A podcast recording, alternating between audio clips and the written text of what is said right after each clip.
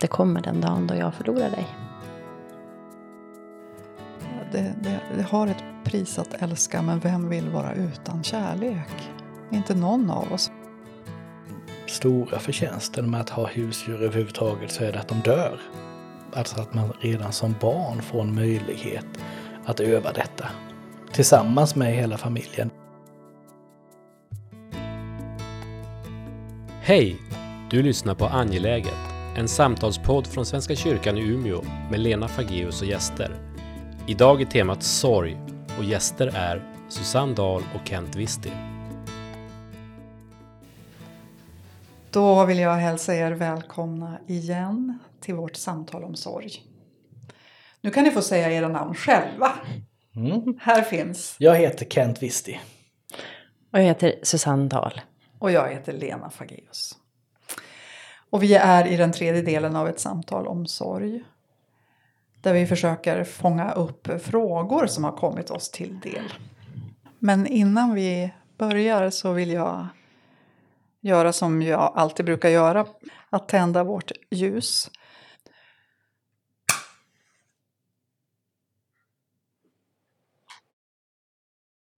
Nu tänker jag ta en fråga direkt. Ja. Så här skriver Anna. Jag fick som barn ett in, en intressant kommentar från min pappa. Min råtta hade dött nyligen och jag önskade mig en kanin. Men ska du verkligen ha ett nytt husdjur? Du blir ju alltid så ledsen när de dör. Ibland tänker jag på den tanken. Att välja att undvika relation i rädsla av förlust. Jag kan minnas mitt beslut att det var värt det. Att älska och ha de varma små husdjuren. Investera kärlek. Det hade ett högre värde än förlusten. Men jag tänker att sorg kanske ibland leder till att undvika relation, kärlek.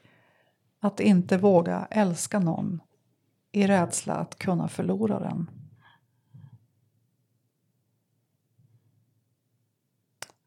Vad säger ni om Annas reflektion? Det var ju mer en reflektion än en fråga. Mm. känner ni igen? Absolut. Det är sådana ord som jag säger om och om igen själv. Citat, men sorgen är kärlekens pris.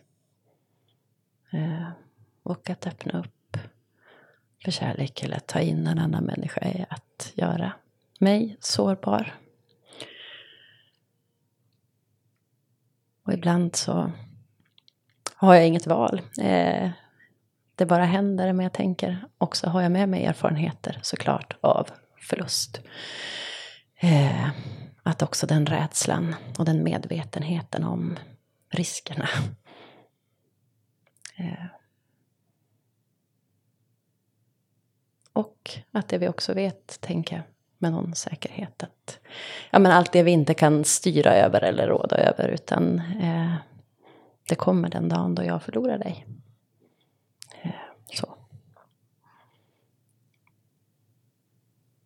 Mm. Och där finns ju också erfarenheten av att överleva. Jag tror att det är den stora förtjänsten med att ha husdjur överhuvudtaget så är det att de dör. Alltså att man redan som barn får en möjlighet att öva detta tillsammans med hela familjen. Det, eh, det kanske finns familjesituationer där man vanligtvis inte gråter tillsammans eller sörjer tillsammans. Men när ens hund dör i familjen eller ens katt så kan man göra det. Eh, och det är ju ett jättebra sätt att öva på. Eh, allting och allas förgänglighet överhuvudtaget. Eh, Och då gör man ju också som barn erfarenheten av att ja, ja, jag blir jätteledsen. Men vi går till simhallen i skolan imorgon ändå. Eh, Och livet fortsätter. Och vi äter tacos på fredag ändå. Och jag så småningom överlever jag och till sist är jag jätteglad igen. Eh, Och sen gör, fortsätter vi väl förhoppningsvis att göra de erfarenheterna hela livet. Men det, det är ju också en del av, av vår tillvaro och av det existentiella ramverk som vi står i som människor. Alltså i liv och död. Men också relation och rädslan för att bli avvisad eller rädslan för att förlora. Eh, det är ju en ekvation vi aldrig kommer att lösa. Mm. Nej, men det tänker jag också, erfarenheten av att överleva. Och så tycker jag också, men det var så fint i frågan eller reflektionen. Jag vet inte exakt hur hon uttryckte det, men att jag ville inte vara utan det. Det var värt det. Mm. Eh, eh, Ja, men som du säger också det där med att, Mm. att sorgen är kärlekens pris. Att, ja men det är verkligen på, det är djupt allvarligt att Mm. älska. Mm, Det är inte, det är ingen, det är ingen lek höll jag på att säga, men det är det ju också. Men, men eh, lek på fullt allvar. mm, Alltså det är någonting som är så, som, ja, det, det, det har ett pris att älska, men vem vill vara utan kärlek? mm, Inte någon av oss. För även om det är så att ja, men jag kan, det kanske inte är en partner som jag går in i, i relation med. Men en vän som jag Mm, släpper nära. absolut. Eller ett barn jag släpper nära. Vi kan inte leva utan relationer som blir Nej. kärlek. Nej. mm, Och det är ju liksom, tänker jag gäller förluster överhuvudtaget, att bli av med ett arbete eller en grundtrygghet överhuvudtaget, eller ohälsa, vilket som. Ja. mm, Ska vi välja bort det? Mm, Bara precis. för att vi inte Ja. vill förlora det. Nej. Mm. Nej, det blir absurt. Och samtidigt så, så har jag en känsla av att det finns de som Mm. väljer bort. För att det gör för ont. absolut. Eller att man har någon slags tydlig distans. Man släpper Mm. inte in. Det får inte bli så viktigt så att det skulle göra ont att förlora. Nej, det tror jag vi är många som känner igen oss i. Mm. Mm, Mm.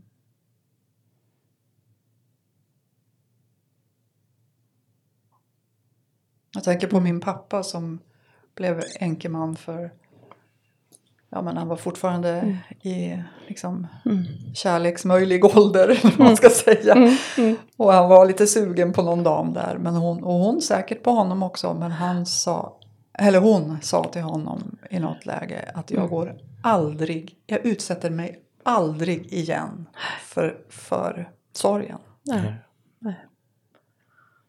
Så de förblev vänner. mm, mm. Och en full förståelse och Ja. respekt inför det valet också. Ja. jag. Att det var så smärtsamt att förlora sin partner. Mm. Ja, men det är verkligen många sidor. Vi kan känna igen oss i båda delarna. Mm. Både Mm. att vi är rädda att gå in men också att vi är rädda att inte gå in. Att det är värt priset. Mm. Jag skulle vilja, det finns två stycken här, frågor här som handlar om faktiskt om döden. Eh, vad är fördelarna? Vi kanske kan smaka ihop dem. Mm. Så vi tar två frågor i ett. Vad är fördelarna med att förstå att man själv ska dö? Förutom att ta vara på livet och måna relationer som jag redan försöker göra, skriver den här personen. Och den andra frågan, hur kommer man till insikt om sin egen dödlighet? Små enkla frågor. Ja. Nej, men det tänkte jag bara nu direkt när jag hörde frågan att ja, men har, jag, har jag förstått det överhuvudtaget? Att jag ska dö? eh, på något plan. Eh, det tänker jag det är också en del i åldrandet att börja inse mer och mer eh, begränsningen, tiden. Eh,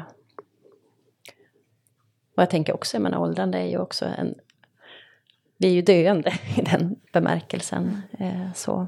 Eh, och det tänker jag där, det är ganska delvis ny insikt för mig. Så att, att det låter som ett otroligt trist sätt att beskriva livet, men jag ser framför mig också att jag har en mängd förluster att göra.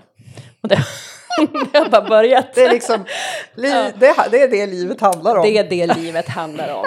Precis. Och så lite kärlek. Och så lite kärlek men mest bara sorg. Just, nej, nej, nej, absolut Nej. inte bara eh, så. Eh, men det där med att förstå eller inse jag känner mig väldigt ödmjuk inför den frågan. Eller att, jag vet inte om jag kan själv säga att jag är där. Nej. Jag var i, i Sävar i Mm. lördags Mm. på allhelgonadagen Mm. och såg att det var en av mina gamla klasskamrater, jag kommer från Sävar. Mm. En av mina gamla klasskamrater som var död. Det, tog, alltså det tar när, när det är alltså, Mm. min ålder. Ja. Ja. Så det är någonting, det, det vi, antagligen kommer vi att reagera på så, eller jag i alla fall, Ja. även när jag är 80, Ja. 87. Ja, ja, ja, precis. Det, men, och det där tänker jag som, i alla fall för mig, associerar till det du säger nu, så här, stunder av insikt. Så här. Det drabbar mig, men att leva med det, eller att, att det, det är någonting flyktigt i det, men en, en stunds insikt som... Men behöver det vara något annat än stunder av insikt? Ja, det finns det någon fördel med att man har det närmare? Jag, jag, jag tänker mig att insikten om sin egen dödlighet i grund och botten också är ett försoningsarbete. Mm. Vi föds i någon slags symbios eller icke var, eller där vi inte är medvetna om vårt jag. Och sen uppstår någon slags primär narcissism i oss alla. Som är bra och till oss till gang då. Men, men, men döden är ju den yttersta kränkningen av den här primära narcissismen. Eh, så att försonas med döden är också någonstans att försonas med livet.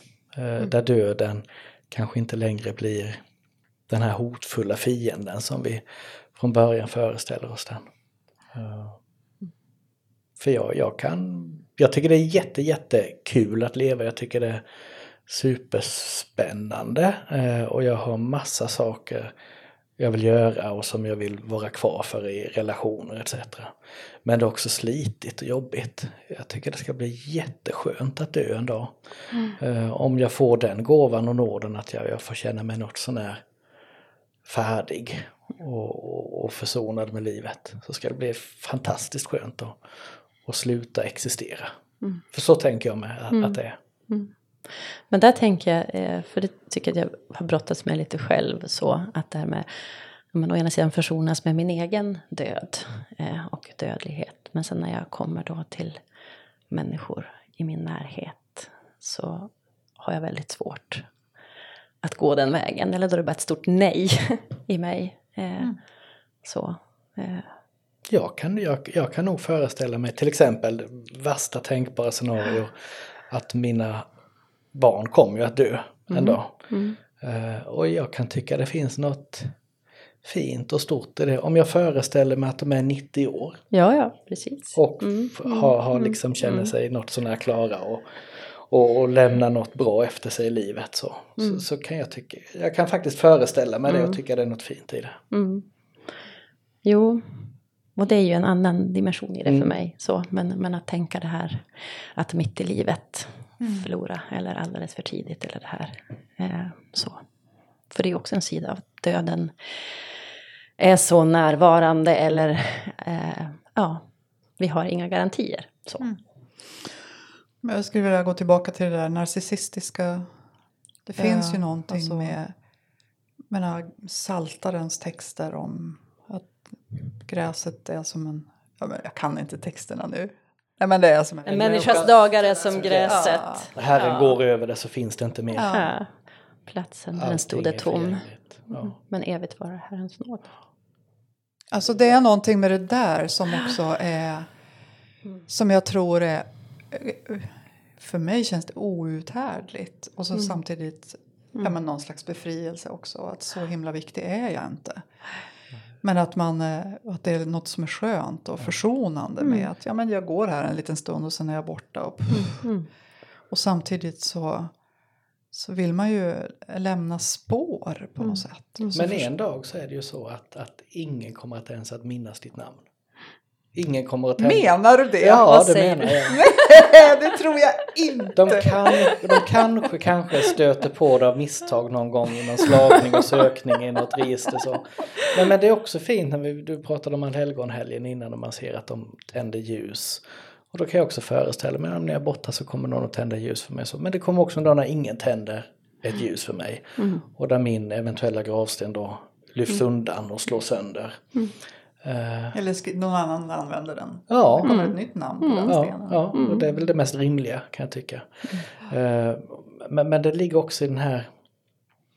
Alltså, jag tror vi har någon primitiv föreställning i oss att, att det jag upplever och det jag ser det är världen och existensen. Och så är det ju i en mening. Alltså det, det är ju det enda jag känner till. Jag känner inte till någon annans existens. Men också insikten om att när jag slutar se, när jag slutar höra, när jag slutar känna och känna så finns det ju miljarder andra människor som gör det. Och det är trösterikt. Alltså du, Ja. ångesten hade varit mycket större om jag var den sista människan. Och världen upphörde. Ja, jo.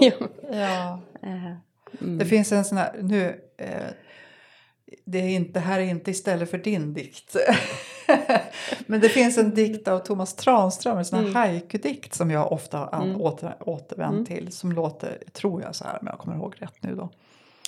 Gräset reser sig. Hans ansikte en runsten upprest till minne. Och när jag först, liksom, mina ögon föll på den där, så, för det handlar om det här nämligen som vi pratar om nu.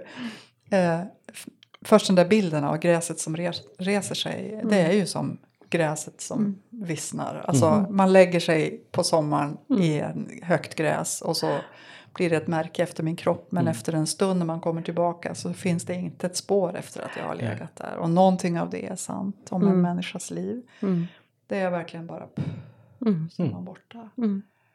Och ingen märker det och ingen, liksom, inget märke finns. Och sen hans ansikte en runsten upprest till minne. Vi vet också hur det är med runstenar. Någon ristar in ett budskap där. Och sen finns det kvar generation efter generation efter generation. Och jag tänker att någonting av det är också sant om en människas liv. Att vi lämnar märken i världen Mm. med människor som vi har mött. Som, alltså någonting. Men när vi pratar om att ärva sorg. Ja, men vi kanske ärver någonting av det som jag har gjort mot andra människor. Har lämnat spår i deras liv som f- blir kvar på något sätt. Precis.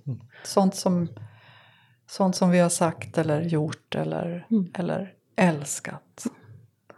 Och också spår som lämnas kvar, också om de är namnlösa. Så Ja. det är inte Ja. längre kopplat Till till mig. dig, men det lever. Ja, exakt. Vidare.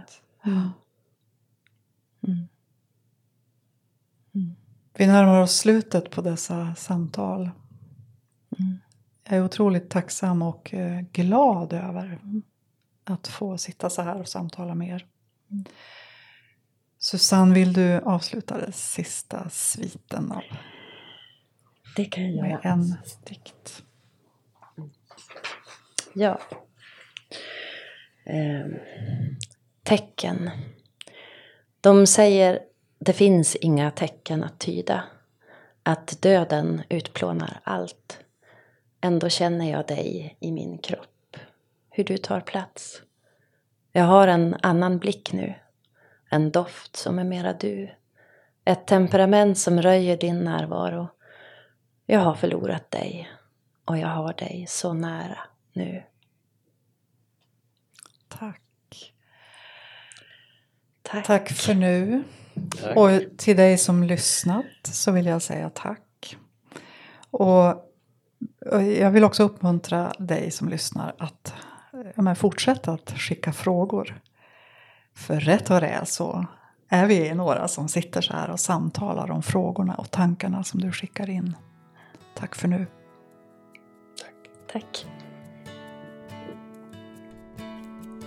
Du har hört Angeläget, en podd med Lena Fageus och gäster.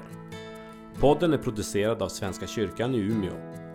Vill du fortsätta samtalet når du oss på Svenska kyrkan i Umeås Facebook eller via e-post till umia.kommunikation svenskakyrkan.se. Tack för att du lyssnade.